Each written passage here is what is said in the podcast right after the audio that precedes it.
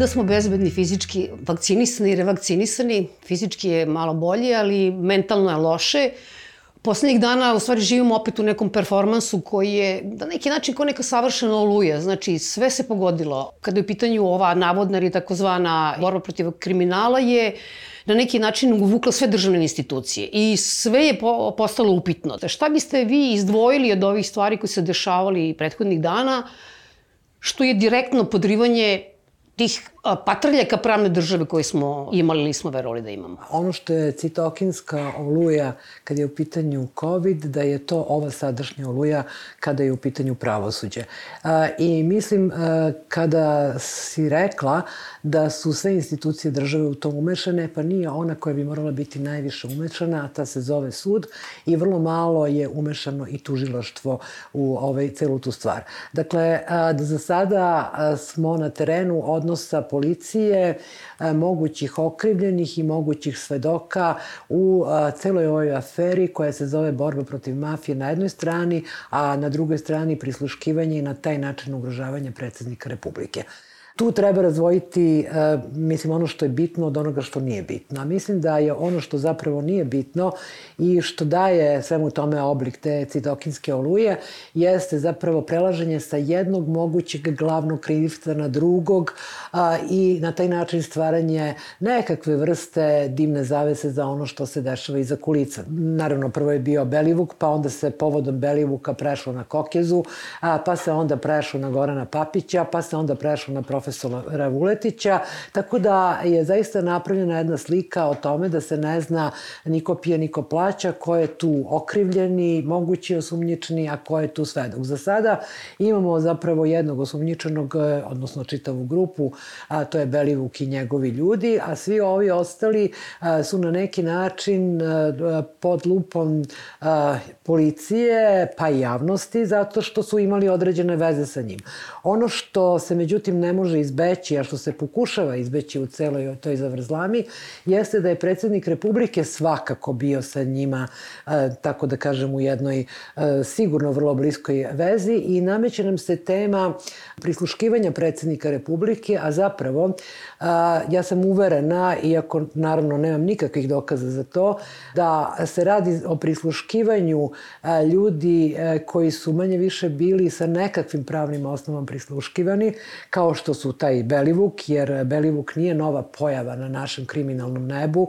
Na kraju krajeva Kriko njemu piše već gotovo pet godina. Dakle, radi se o prisluškivanju ljudi e, ko, protiv kojih postoje određene, određeni osnovi sumnje, od Belivuka pa do nekih desničarskih grupacija, a ono što je porazno i što stoji uopšte vam pravosuđe, vam pravnog poredka, jeste činjenica da je oko hiljadu i po razgovora prisluškivano, a, Dakle, da li je moguće da šef jedne države hiljadu i po puta a, govori i razgovara sa ljudima koji se nalaze na takvim merama, merama prisluškivanja. Ja verujem da je ova borba uh, protiv kriminala borba pod navodnicama, borba protiv jedne kriminalne grupe, a da u pozadini toga stoje razmirice u Srpskoj naprednoj stranci. Dakle, da je to jedna vrsta dimne zavese za unutarstranačku borbu za koju ja ne mogu da kažem čime je izazvana, izuzev možda osamostaljivanjem pojedinih njenih grupica koje ne razumeju ili ne mogu da razumeju ili neće da shvate da ovde može biti samo jedan. Dakle, ovo uopšte nije pravosudna stvar, čak se ni ne pretenduje da je to pravosudna stvar.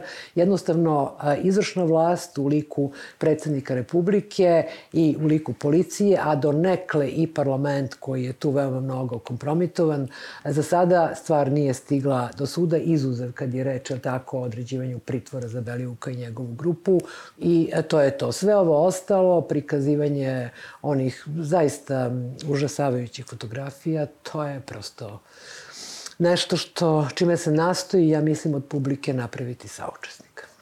Ja sam malo e, čas u uvodu pomenula kako su razne institucije uvučene u to, svesno, nesvesno, manje ili više, između ostalog i to što je tužilaštvo za organizovani kriminal naknadno reklo da je se ono saglasilo sa emitovanjem tih fotografija. Ja? To ne postoji, ja da kažem.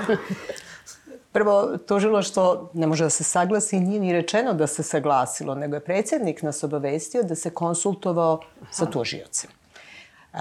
kada se iz te faze postupka nekakvi dokazi prikažu, tu po zakonu, onome zakonu koji je na snazi, nema odavanja nikakvih dokaza.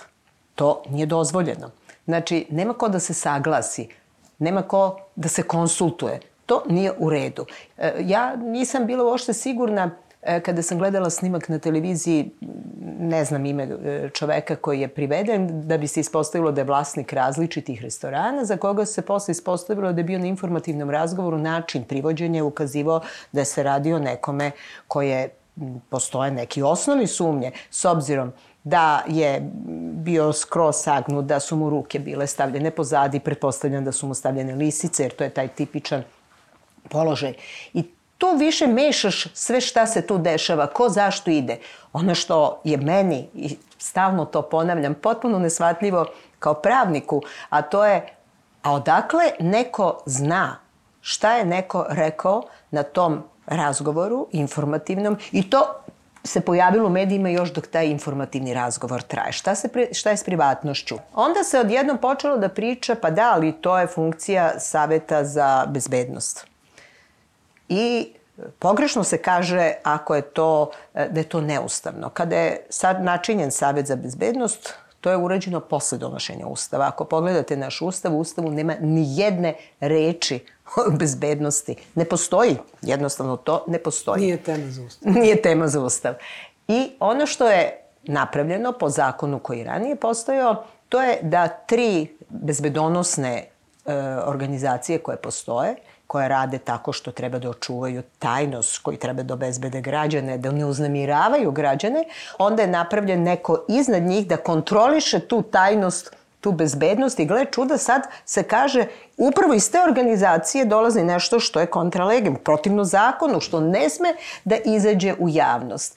Da li će svako moći da prepozna ko poznaje na slici telo na kome, na kome ne vidiš glavu jer je isečena, sa tačno mestom na kome je tetoviran znak crvene zvezde i na nozi je tetoviran znak crvene zvezde, odvojena glava, naravno da će prepoznati. Prepoznaće sigurno roditelji, prepoznaće bliski prijatelji, prepoznaće devojka možda, ako je ima ili supruga, ja ne znam koga sve ima, ako ima decu, prepoznaće decu i to je nešto što mene u ovoj državi stalno muči, način ponašanja. Ajde da se prisetimo kako je funkcionisala država za koju svi kažu eto, oni su se mnogo proširili i obaveštavaju građane o svemu i svačemu kad se radi o nekakvom terorističkom aktu, o nekakvoj organizovanom kriminalu i tome slično. Govorim naravno o Americi. Jede da se prisetimo kada je poginulo, ja ne znam tačan više broj, ne zna se koliko hiljada ljudi kada su bombardovane bliznakinje. Preko 3000. Preko 3000 ljudi. Na televiziji Niti u Americi, niti bilo gde na svetu mi nismo videli strašne, užasavajuće slike koje su sigurno postojale, svi su o tome govorili. To će biti za rad nekakvih organa koji će se baviti time, ali ne da narod vidi užas. Ako je najavljeno da je tu bilo užasa, da je bilo ubijanja, da je bilo ovoga i onoga, čemu sve to? I ko daje dozvolu za to? Jer zakon kaže nema dozvole. Ti možeš da pričaš, možeš da kažeš i da dozvoliš da ilustruješ sa nečim, ali ne nečim što je prepoznatljivo. I ja uvek još nešto naglašavam, jer sam ostala kao neko ko je i radio u sudu zgranuta u jednom trenutku pre više godina, kada je predsednik države rekao ime, upoznao građane na konferenciji za štampu, ko je najveći diler droge i kriminalac u našoj državi s imenom i prezimenom. Iza su stajali ministar policije i republička tužilja. Za nekoliko dana pokrenut je neki postupak i gle čuda, označeno lice nije više bilo na svojoj adresi. On je otišao, on je upozoren. Da li se danas to radi isto? Da li se, ono što je Vesna rekla, prikriva nešto drugo iza? Da li se prikrivaju neki učinioci, a drugome se nameće? Otkud se zna šta je neko ko je pozvan i bio je u najvišoj skoro hijerarhiji MUPA izjavio zašto neće na poligraf? Ako čak i jeste stvarna borba protiv kriminala, kako se ona vodi? Da li se selektivno vodi ili zaista? I pritom uz veliko iznenađenje onih koji sede na konferencijama za štampu i govore o tome u situaciji kada ja mislim da nema građanina ove zemlje koji ne zna da su kod nas navijačke grupe malo pretorijanska garda, malo kriminalna grupa, malo navijačka grupa, malo sve na svetu, što je uglavnom negativno i nešto možda i postoji da imaju svoje svetle tačke. I verovatno postoji neki svetli klinci koji tu dođu kao navijači, a onda se možda i regrutuju, ali da država godinama, ali godinama ništa ne preduzima protiv svega toga. I onda kada dođemo dotle da se kaže ceo sve će se iznenaditi, misli se na planetu Zemlju, e, svi građani ove zemlje će se iznenaditi. Molim vas, molim vas, uklonite decu. I svi smo iznenađeni za nešto što godinama nema građanina u ovoj zemlji koji ne zna da postoji. A to je tako licemerno to sa tim, a, moramo da prikažemo te snimke, da se vidi šta se dešava, kao da mi nismo živjeli u ovoj zemlji gde su se klali ljudi do juče i gde su paravojne jedinice koje je on osnovao i njegov šef, koji su radili zverstva po istočnoj Slavoniji i tako dalje, jeli? Kao da ne znamo razlog kada je bilo trebalo škorpione prikazati da je rečeno ne možemo to, da ne bismo uznemiravali decu. Mislim, jako uznemirava ta hipokrizija koja je ova, dostigla vrhunac i sa ovom, a, stvarno mi je teško da kažem, premijerkom, koja kaže da su protiv prikazivanja tih fotografija samo opozicija i, i opozicioni mediji. Kad je Vučić u pitanju, tu se radi o jednom njegovom dugo održavanom stavu, da treba da gledamo u budućnost. Ne govori on to zato što je budućnost nešto plemenito, zato što budućnost čeka generaciju naše dece, naših unuka i tako dalje. Jednostavno, on se boji svoje odgovornosti za prošlost i on ne želi u prošlost uopšte da se vraća. I u tome je on uspeo. I ovo društvo, ne samo zbog njega, tu mora čovjek da bude pravedan, nije se nikad suočilo sa svojom ratnom prošlošću, sa svojom zverskom prošlošću, sa zločinom zločinima koji su učinjeni u ime ove zemlje, iako ima nas dosta koji nismo nikog ovlastili na ubijanje. Dakle, to je kad je on u pitanju jedna stvar. Kada je u pitanju Ana Brnabić, ja baš ne bih bila sigurna da je, da tome razlog neko znanje, niti nekakva visoka inteligencija. Ta izjava po sebi zaista mora da ovaj, nekako otvori pitanje E, kako da kažem, pribranosti osobe koja se nalazi na takvom jednom mestu, e, zato što ako oni koji smatraju da ne treba videti užasne prizore, da pripadaju opoziciji, onda se uvek može odgovoriti kontrapitanjem. A šta su oni koji smatraju da ih treba prikazati? Da li su sadisti, da li su mazohisti, da li vole da budu deo svetine rulje koja učestvuje tako u nekom zverskom događaju i da li zaista samo takvi postoje u vladajućoj političkoj stranci. Dakle, to je jedna izjava koja zaista nije bila mnogo inteligentna, ja je ne bih obraćala previše pažnje. Kad završimo ovaj ciklus prvi, da, molim vas samo svojim prisluškivanjem absurdnim. Dakle, Uh, sada je ministar policije, uh, taj Vulin, rekao da je pokrenuto to pitanje odgovornosti ljudi u MUP-u koji su presluškivali 1570 puta Aleksandra Vučića. Sina i oca. I sina i oca, i sina i oca i brata. Nemojte brata, da, da, da molim vas da zaboravite. Ja sam, sam mušku čeljadu Vučića su prisluškivali. Kako je to mo moguće da bude toliko uh, prisluškivano? S kim je on to pričao pa su ga prisluškivali? Drugo, ajde da je sam podsjetite možda vi video, mislim, ko ovde da izdaje nalog da može neko da se prisluškuje? Kako to ide uopšte? Da se tu menjalo nešto? U Srbiji postoje dva načina prislužgivanja legalnog. Ma legalno A govorimo, postoji da. treći, onaj nelegalni, na koji se, evo, naš predsednik više puta pozivao, on je nelegalno prisluškivan. Ali sam onda ja čula na televiziji, više se ne sjećam ko je to izjavio, da je to prisluškivanje bilo uvek legalno, e, tako što je davana saglasnost, a onda se utvrdilo da je tu usput prisluškivano i taj deo porodice. E sad, Ako je to prisluškivanje bilo dozvoljeno od strane ovlašćenog sudije na zahtev tužioca ili možda policija preko tužilaštva, onda se postavlja pitanje, pa čekaj, kako ti možeš toliko puta i članovi tvoje porodice da razgovaraš sa ljudima koji su na nekim merama i koje nisu, znači postoje nekakve sumnje u vezi njihovog ponašanja. Drugi način prisluškivanja legalnog je onaj koji se po zahtevu bio odobrava od strane suda i odnosi se prema zakonu na terorizam i špionažu. ja pretpostavljam da imajući u vidu o kome se radi, tu nema te vrste i tog zahteva i tog odobravanja. I imate treću mogućnost, a to je nelegalno prisluškivanje, ali se onda ja pitam kako funkcioniše ova naša zemlja ako je tolikom periodu i toliki broj prisluškivanja napravljen potpuno e, nelegalno. Postoji još jedna stvar. Ako je nelegalno, to je krivično delo. Ako je legalno, a izašlo u javnost, opet postoji neko delo. Ali se onda postavlja pitanje ako na televiziji ja e, odgledam da predsednik države kaže ja znam kome je prisluškivao, ja znam ko je to naredio, ali ja neću to da kažem. To jednostavno ne može i ne sme da se desi. I u ovakvoj situaciji tužilac bi trebao da pozove svakog onog ko je imao podatke šta je ko izgovorio u informativnom razgovoru i to ubacio u javnost, da pozove predsednika države i da ga pita ko je Ne moraš da kažeš da javnost, ali meni moraš da kažeš. Jer to je delo. To ugrožava bezbednost ove države. To pokazuje da nemamo državu. To znači da se sve može.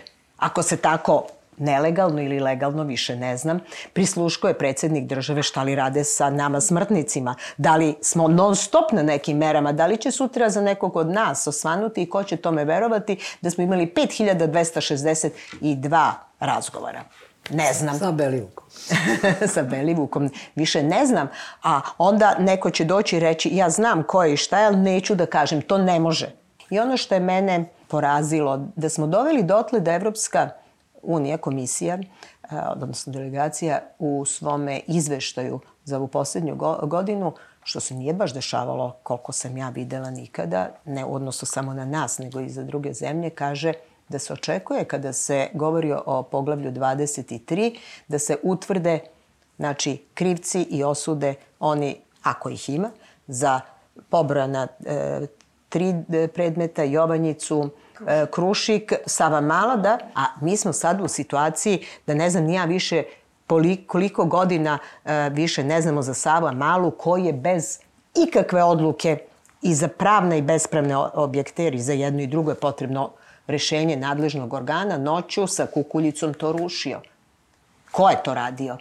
Mi ne znamo šta se dešavalo sa Krušikom gde još nije počet postupak, još uvek smo u prethodnim radnjama. Deo postupka je u toku za Jovanjicu, a deo nije. I onda se pitam, pa ko tu voli ako tu ne voli ovu zemlju? Nije stvar u ljubavi, ja mislim. Stvar je pre u poimanju države. I poimanju ljubavi. Na poimanje države, kad je u pitanju naš šef države, je veoma zanimljivo. On je rekao, šta imamo mi da radimo sa Jovanjicom? Šta da radimo sa Krušikom? Pa mi to je gotovo, pa mi smo pohapsili ljude. Dakle, i time je on pokazao šta pod državom podrazumeva. Sudska vlast, malo sutra. To što ni jedan predmet nije završen pravnosnažno, to njega uopšte ne zanima. Niti očekuje da će se završiti. Za njega je država on i oni koji moraju da ga slušaju, a mora, mora da ga sluša u ovom slučaju policija i verovatno jedan dobar deo tužiloštva. Do suda, da, da je poimanje da je sud država, da sud radi u ime države, da štiti državu, da je Ide sudska vlast, vlasti. da je sudska vlast, državna vlast, pa to do njega uopšte nije stiglo, iako on to mora znati i on se toga uopšte ne stidi. Stvarno je cinizam, već da pričamo o poglavlju 23 ili vladavini prava. Ovo je otišao toliko dođevola, ali ubrzano. Eksponencijalni rast bezakonja od najvišeg vrha da zaista sada kad god treba da porazgovaramo o nečemu što bi bile institucije, podela vlasti, čovjek se osjeća ko budala. Ne, čovjek mora to da radi jer onda će ustuknuti prema onima koji jednostavno ne priznaju poštovanje institucije. Jednostavno mora da radi. E sad, da, da li smo možda vi da ja pogrešni sagovornici za tako nešto, jer naprosto ne možemo da zamislimo da se tako nešto ne radi. Ali to je zaista moje uverenje. A ako ne pružite makar takav otpor kroz mehanizme koje pružaju zakoni ove zemlje bez obzira obzira što ih od, od vrha do dna gotovo niko ne poštuje, pa onda ne možemo govoriti o postojanju države. Jednostavno, ja mislim da stalno mora da se čovjek... Evo ja da dodam, e, u nekoj drugoj državi gde postoji vladavina prava, teško ćete naći profesora pravnog fakulteta koji će da govori o nepostojanju vladavine prava, jer ona postoji, a imaš neku laku kritiku u nekoj državi u kojoj postoji podela vlasti. Nikada sudija neće o tome govoriti jer on svoju vlast vrši profesionalno sudeći. Eventualno će se pojaviti port parol i predsednik suda. Mi sad očekujemo da sudija mora da progovori. Kad mora? Ja to stalno ponavljam. On mora da iskaže svoj stav u presudi, da je obrazloži. Kod nas e, sve više se donose zakone u kojima se kaže sudija u toj i toj vrsti u toj vrsti ne mora da da obrazloženja kako ćete realizovati pravo na žalbu, a kako ćemo e, samo zbog nekakve brzine doneti takvu odluku, to je već pitanje vladavine prava. Naravno, sudija koji ima 2000 predmeta u radu kaže, molim te, nemoj da pričamo o tome samo da izađem iz tog broja. Imate drugu situaciju kad sudija mora da priča o zakonima, a kod nas sve češće imamo one situacione zakone, ne one koji su situacioni zato što je e, došlo do korone pa se donose novi zakoni, ne bi li se organizovalo nešto, nego oni sasvim druge vrste. A kad kada... kažete, izvinite, samo da pojasnim, znači ono kao kada pokušavaju u stvari jednu stvar koja je nedozvoljena da pokriju zakonom, Jeste, da tako je, situacija. Dobro. Recimo kao dobijemo dve godine da. Beograda Lex na vodi. specijalisi u stvari. Jeste, na neki način. Na neki način. Znači, imamo sad takvu situaciju, imamo situaciju kada se menja ZKP, pa sudija koji u fazi javne diskusije, kada progovori o tome, postane stalni predmet skupštinske diskusije. Jer kako se usudio da to govori, što je inače njegova obaveza svakog sudije. Ne mora da on govori pred televizijom, nego će da govori na nekom stručnom skupu, na svom kolegijumu, jer ko će bolje diskutovati o zakonu dok je u fazi javne koji diskusije. Koji je sudski zakon. Koji je, znači, pretežno, sudski, pretežno ga sud primenjuje. I imamo treću situaciju. Kada dođemo do grube povrede demokratskih principa, čiji je osnov vladavina prava, onda i sudije moraju kao grana vlasti da progovore. U ovoj zemlji svaki sudija koji je progovorio o tome postoje predmet haosa. A u ovoj zemlji sudije su se preživele reizbor u kome više od polovine sudskog kadra nekog možda ko je trebao da bude razrešen i nekog ko nije razrešili tako što smo pravili nekakve grupnu promene. Seansu smo. Jesno, grupnu smo seansu napravili. I isto tako smo po grupnoj seansi, kako bi Vesna lepo našla izraz, vratili u pravosuđe, bez obzira da li je trebalo ili nije trebalo. I šta sad rade sudije? Neće da progovore. Trebalo bi da postoji i postoji ovde neko ko mora da zastupa sudsku vlast kao državnu vlast. Taj neko se zove Visoki savet sudstva. Kada bi Visoki savet sudstva progovorio glasno, jeste, onda sudova. ne bi bilo potrebe da sudije govore išta Tačno. drugo osim u svojim presudama. Kažem, institucije, sistem se obrnuo na glavačke i pojedinci kreću da pričaju. Zašto bi to radila Vesna? Zašto ja? Zašto sudija Majić koga ne vade iz usta, zašto sudija Boljević koja je stalno u jednom periodu bila predmet skupštinske diskusije, zašto? Mi imamo instituciju koja je tekovina decenijske borbe ljudi koji se bave vladavinom prava, da se formira takvo telo koje će se boriti za nezavisno sudstvo i nezavisne sudije. Ali ono to ne radi i ne možemo da krivimo Vučića za to. I ne, to se to mora jasno ne. reći. Da, to, a to ćemo da, popričamo da, odgovornosti. I sada, da. pošto ste vas imali privilegiju da prisustujete e, tom čuvenom intervju sa jedinom kandidatkinjom e, za e, predsjednicu Vrhovnog kasacijnog suda, izvesna gospođa Vasović, ona tvrdi da svi poznaju na svetu, i da je zaljubljena u svoju nauku, struku zapravo i čula sam dakle da je etički kodeks je za ima urabljen i u svojoj kancelariji. Dakle, prvo mi smo imali pauzu jednu, dve godine ništa nisu birali. Drugo, imamo, što je ne, ipak neverovatno, jednog jedinog kandidata za takvo mesto.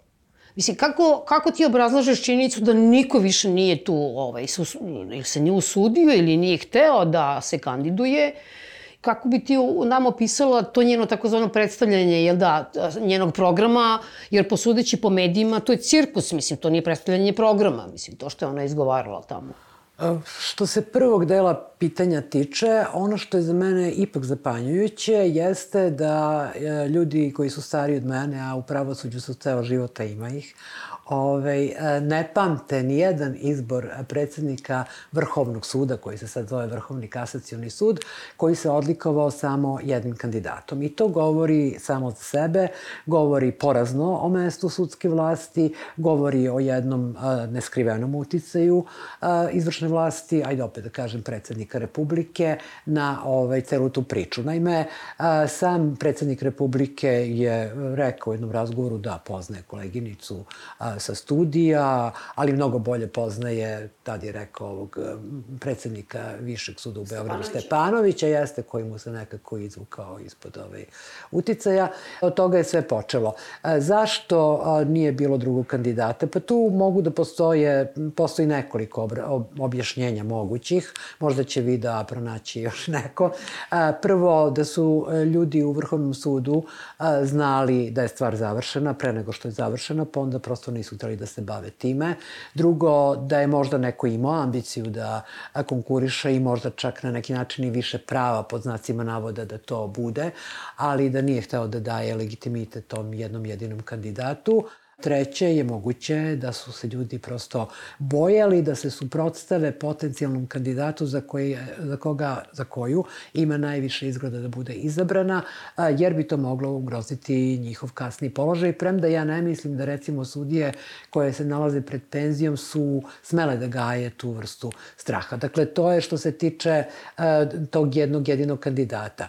Što se tiče samog razgovora Ono što je nekako mene tu veoma mnogo pogodilo e, i tako e, osjećala sam se dosta nelagodno, bilo je to što u njenom programu se o nezavisnosti i nepristrasnosti sudije i to samo na kraju kao da je to neka uzgredno dodata ili naknadno dodata rečenica govori e, u samom programu. Kada je bila direktno zapitana, ona je prosto rekla da se nezavisnost i nepristrasnost sudije podrazumevaju. Ja mislim da se u Srbiji ne podrazumevaju i da se, nažalost, sudije vrlo često nalaze u prilici da moraju da je dokazuju. Hoću da kažem, to je jedna oboriva pretpostavka i morala je tome malo više da se posveti. A onda što se tiče etičkog kodeksa, za koji je rekla da ga odlično poznaje, da je to vrlo važan akt za nju, nažalost, ona se dotakla iz tog etičkog kodeksa u konkretnom pogledu samo načina odevanja sudije i ničega više. Glavni moj utisak je način na koji se razgovor završio. I kada je u stvari te čestitke koje su od strane komisije Visokog saveta upućene kandidatu e, prejudicirale predlog. Forma često štiti suštinu.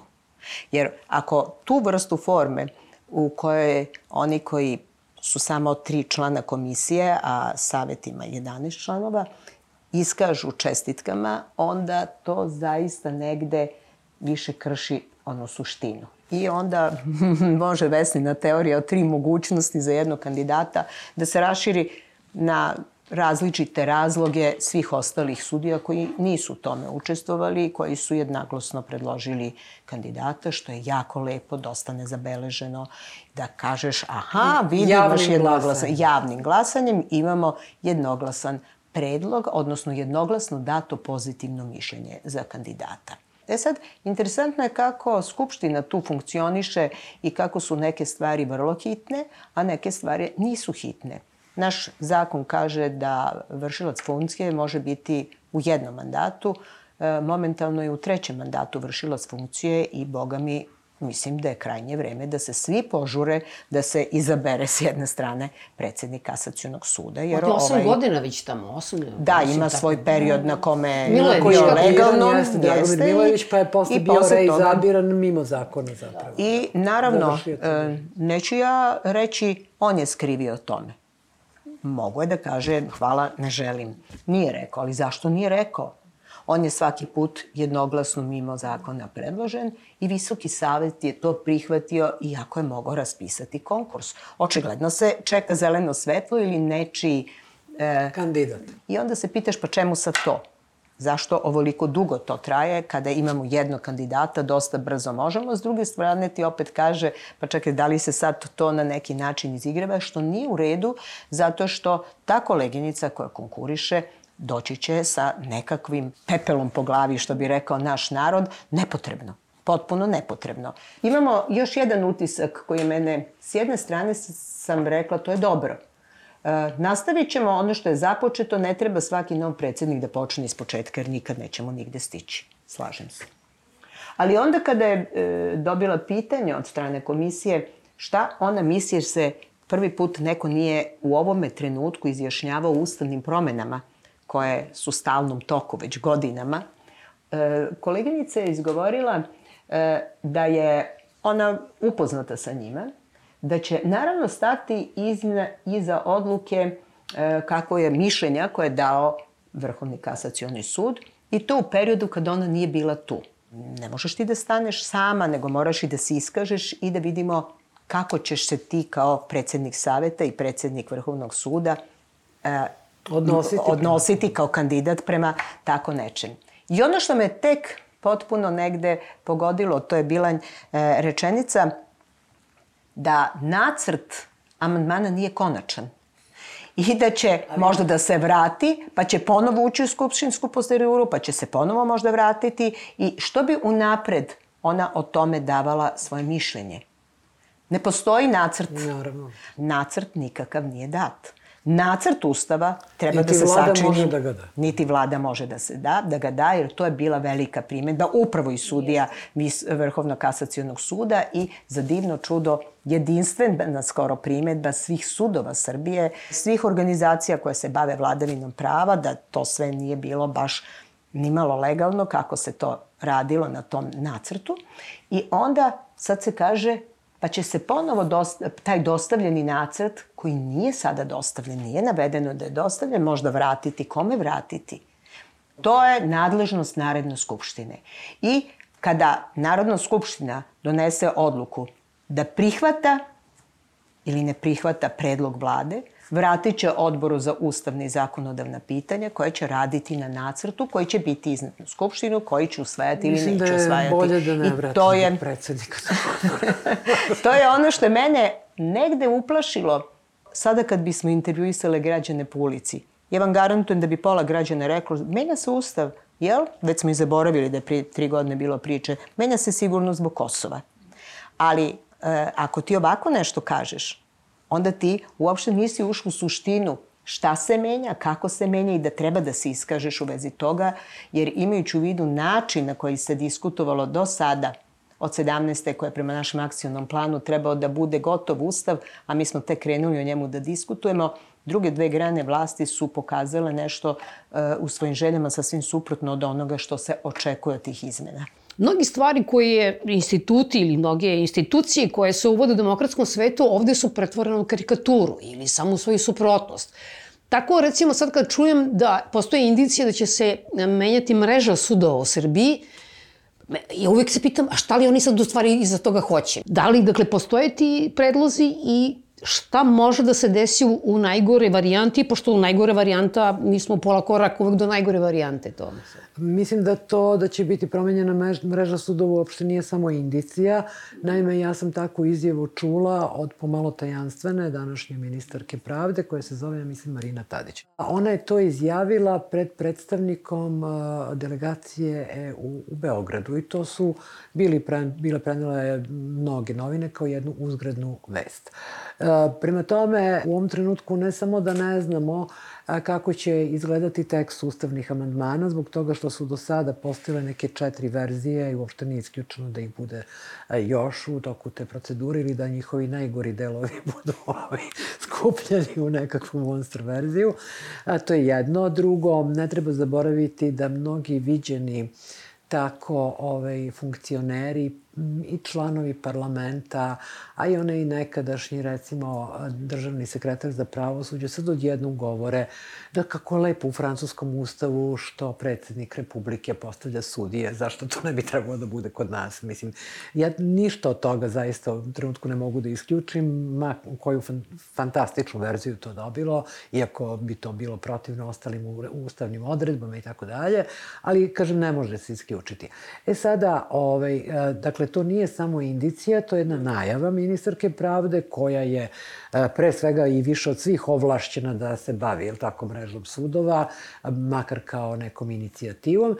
I mi smo imali, ne treba da zaboravimo, posle donošenja Ustava iz 2006. godine, jedan vrlo veliki udar zapravo na sudije, E, direktno na sudije 2009. 2010. godine, kada su na jedan, ja mislim, pogrešan način protumačene odredbe a, Ustavnog zakona za sprovođenje Ustava.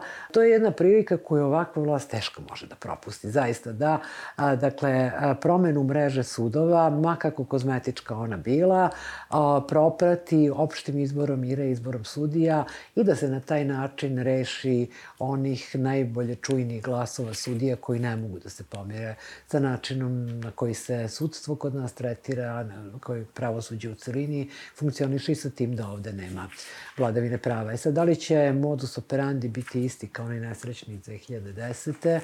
A, ili će biti neki drugi, možda još malo rigorozniji, ili možda za odevenu nekakvu drugu formu, jer ipravo, ipak se ova vlast seća toga šta se dešavalo ovaj, tada, to ne mogu da kažem, ali da će to poslužiti kao izvor još jedne turbulencije a, među sudijama, o tome nemam nikakve sumnje i ne samo među sudijama, nego i među ovaj, tužiocima takođe. To je, za to mislim nema sumnje i mislim da se nekako u sudijskom i tužilačkom korpusu to osjeća ta neizvesnost, e, pomalo strah od te neizvesnosti, nesigurnost u svoj položaj i onda se nekako sve to sublimisalo u tome da za predsednika Vrhovnog kasacijonog suda imamo samo jednog prijateljskog kandidata. A svi su navodno birani do kraja radnog veka. Navodno je kod nas sudijska funkcija trajna. Sudije su 2010. vrlo naučile da postoji jedan jedini legitimni razlog, to nam je i naša vlast objasnila i međunarodna zajednica,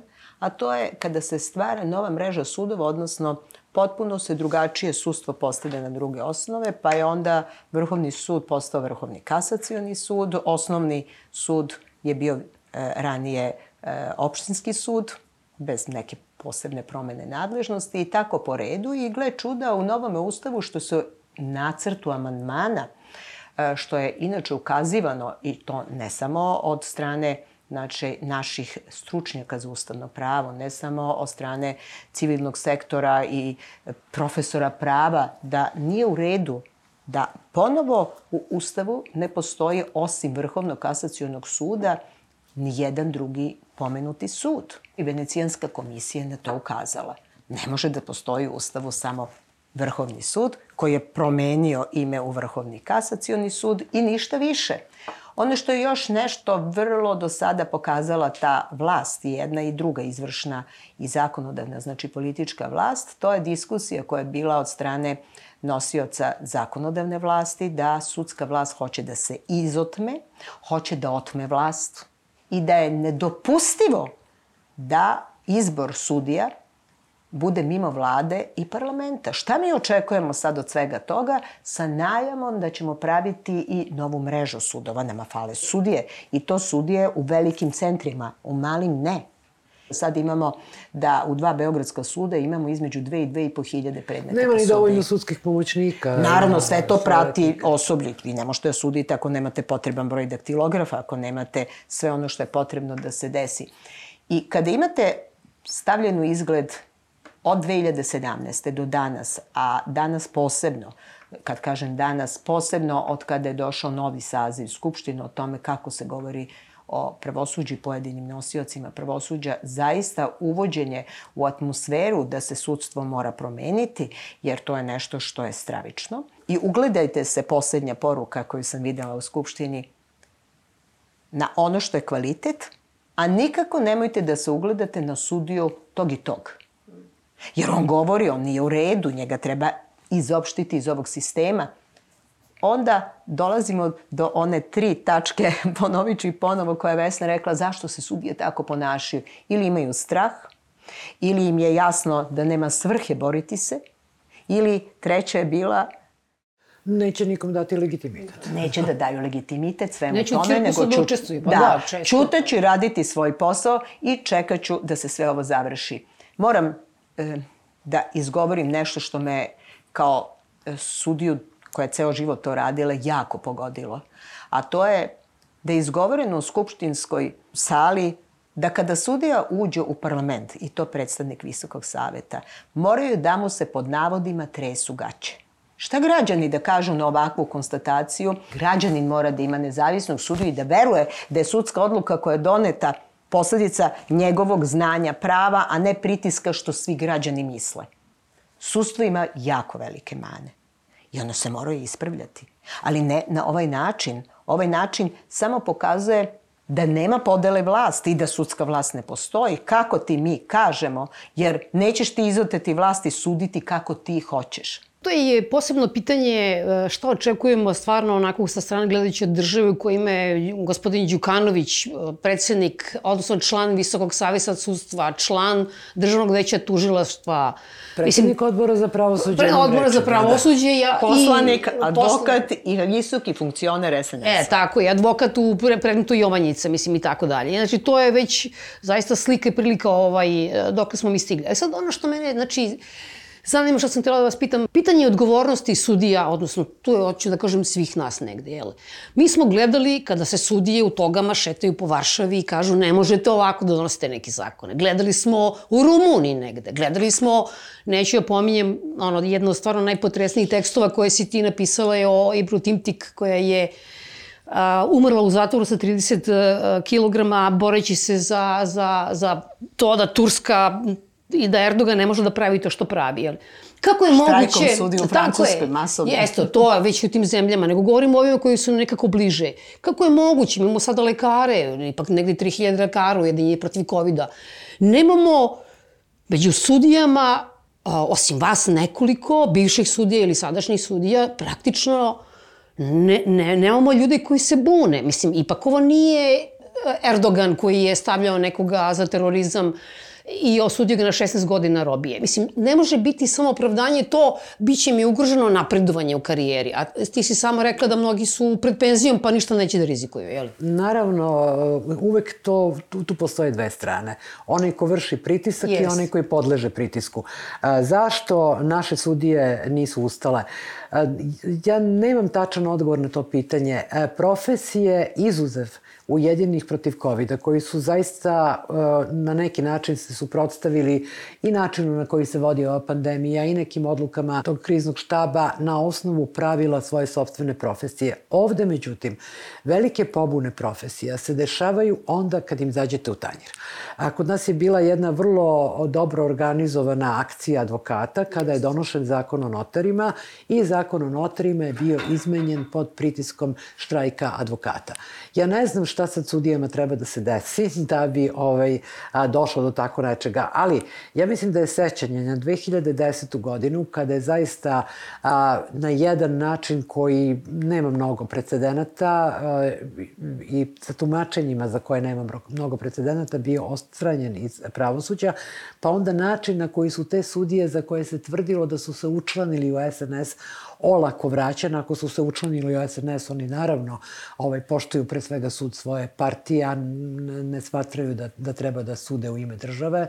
E, toliko su država i partije već srasli da se tu, nije tu teško napraviti razliku. Dakle, to su neke objašnjenja iz naše, tako da kažemo, ovaj, neke novije prošlosti, ali nezavisno od toga, ja ne mogu da razumem, na primer, e, sudije Ustavnog suda, koje ni u jednom trenutku nisu, nisu se usudile prosto da, da, da razmišljaju ozbiljno nekoj inicijativi koja je bila vezana za ograničenja koje su se dešavala za vreme COVID-a i onda kad im nije bilo mesto, za vanredno stanje i posle, pošto je ono ukinuto i gde bi njihova odluka imala samo nekakav moralni, a ne praktični pravni značaj. Dakle, ja to zaista ne mogu da razumem i nisam nekako dobra adresa za, za to. Mislim da jedan broj sudija je zaista pod uticajem onoga što se desilo nedavno, ipak to je bilo pre deseta godina, pamte ljudi, bili su tada i sudije i tužioci i da je to sada nešto što oni dele sa ostalom publikom, to je egzistencijalni strah. To mi se čini da je u pitanju i to je nešto što je vrlo teško razumeti. A s druge strane, I kada bi se sudije pobunile, percepcija sudija i suda u očima građana je veoma loša. opravdano ili ne, u to neću da ulazim. Radi se samo o percepciji. Mislim da građani e, i kad bi oni pokušali da se pobune neki otvoren način, recimo da izađu na ulicu, da to ne bi bilo naročito podržano. Mi smo u periodu od 20 godina u kome je opšti krivac za stajanje u zemlji, gle čuda, sudstvo. I sudstvo tone po tim. Tone, tone, tone i više narod ne veruje. E, mi kada pričamo o sudstvu, svako pomisli na krivicu, na neki od ovih predmeta. To je po statistici, statistici do 15% predmeta. 85% predmeta su život, radni spor, međa. vlasništvo, međa, razvod, po, dodela deteta, promena odluke o poveravanju deteta, naknadi štete. Ono što je mene pogodilo o, veoma mnogo jeste, to je moja stara teza, pravosuđe u, u svakoj zemlji je pred svega građansko i ono koji se vezuje za svakodnevni život. Ono što je atraktivno, ne znam, što ljudi vole da čitaju, vezano je za krivično pravosuđe i ono zaista jeste posebna tema. Ali, U građanskom pravosuđu se dešava krivicom sudija ono što se do sada nije dešavalo. Setite se samo slučaja Mali. Slučaj Mali i dodela dece ocu, a ne majci, je rezultat dramatično promenjene prakse preko noći, o kojoj mi nismo pisali ništa. I naravno da će se onda to vezivati za moćnog roditelja, muškog pola u ovom slučaju. To je jedno. Drugo, privredni sporovi e, su nekako uvek bili, ajde, nema veze. Nije se država u njih mešala, pogotovo nije u socijalizmu, jer tamo je privreda bila sasvim drugačije. Ovaj, ali sada, sada se meša i tekako. Kad je uh, izgubilo, uh, izgubilo na firma Millennium, za koju ima dosta razloga da se sumnja da su bili izvršioci, ne naredbodavci, ali izvršioci onog rušenja na Savamali, pa to se diglo okuso i repato. U drugom stepenu je presuda ukinuta. Kada je stranka u postupku kao tužilac se pojavio Andrej Vučić protiv Asomakuma, a, koji je bio, on je bio registrovan kao njegov zakonski zastupnik, je tako? Onda je sud morao da postavi privremenog zastupnika, zato što naravno u toj firmi nije bilo ni jednog drugog lica osim Andreja Vučića, kada je advokat tražio sedam dana da se izjasni o veštačenju rukopisa Andreja Vučića zato što je veštačenje bilo vršeno sa fotokopija, ne sa originalnog teksta. E, onda, i sudija mu dala tih sedam dana, zato što svaka stranka ima pravo na to, e onda je ta sudija hitno po postupku za izuzeće zamenjena sa obrazloženjem, ne da je bila pristrasna, nego da je odugovlačila postupak. Pa je onda, kao što dobro znaš, protiv Peščanika i Vesne Pešić, Nebojša Stefanović, to je bilo tako suđeno da je to primer suđenja u krajnje razumnom roku ili kako sam ja negde napisala, u krajnje nerazumno hitnom roku. dakle, postoje privilegije i to je parnični postupak. Kad ti izvučeš nekoliko takvih parnica, bez obzira što u ogromnom broju drugih, mislim, nema toga uticaja i što naravno u parnici mora da izgubi jedna stranka, mislim, to nema, nema šta, to je tako je konstruisan postupak, e onda na tim primerima se gradi percepcija našeg pravosuđa. Ako građani ne dobiju nezavisnog sudiju, oni gube svoje pravo. Sudija će imati svoju državnu platu, manju ili veću, manju ili bolju slobodu i to je to. Dok ne dođemo do kvalitetnog fakulteta na kome ćemo imati izbor a, znalca, a ne, a ne... A ne negativno selekciju. Jeste. Nećemo imati nikakav kadar. Ni za medicinu, ni za pravo, ni za vladavini, ni za šta. Kad je reč o sudijama i o tužiocima, oni zapravo uh, doživljavaju svoj položaj kao činovnički, to se mora priznati. Kako Velika da većina među njih on sebe doživljavaju kao državne činovnike i sad ti kao državni činovnik, pa sad ne možeš mnogo. E, ali to je taktika ove vlasti, dakle staviti ih u položaj državnih činovnika, kao što nas je Vučić stavljao u položaj saučesnika u nekakvom pogubljenju, kome, ajde na sreću, nismo prisustvovali preko videa, nego samo preko fotografija. E, tako i e, se razvija ta percepcija kod sudije i kad imate dva, tri ustavljena glasa, ne znam, Dragana Boljević, e, Majić i tako dalje, onda to zaista može navlači samo gnev na njih, a ne izlači sudsku profesiju. I, a šta mora da se desi da bi se sudska profesija ujedinila? Ja to zaista ne znam. Sećam se onih diskusija, bilo je mnogo sudija u toj petici, mnogo sudija koji su bili pogođeni tim izborima. Da li treba to da se desi?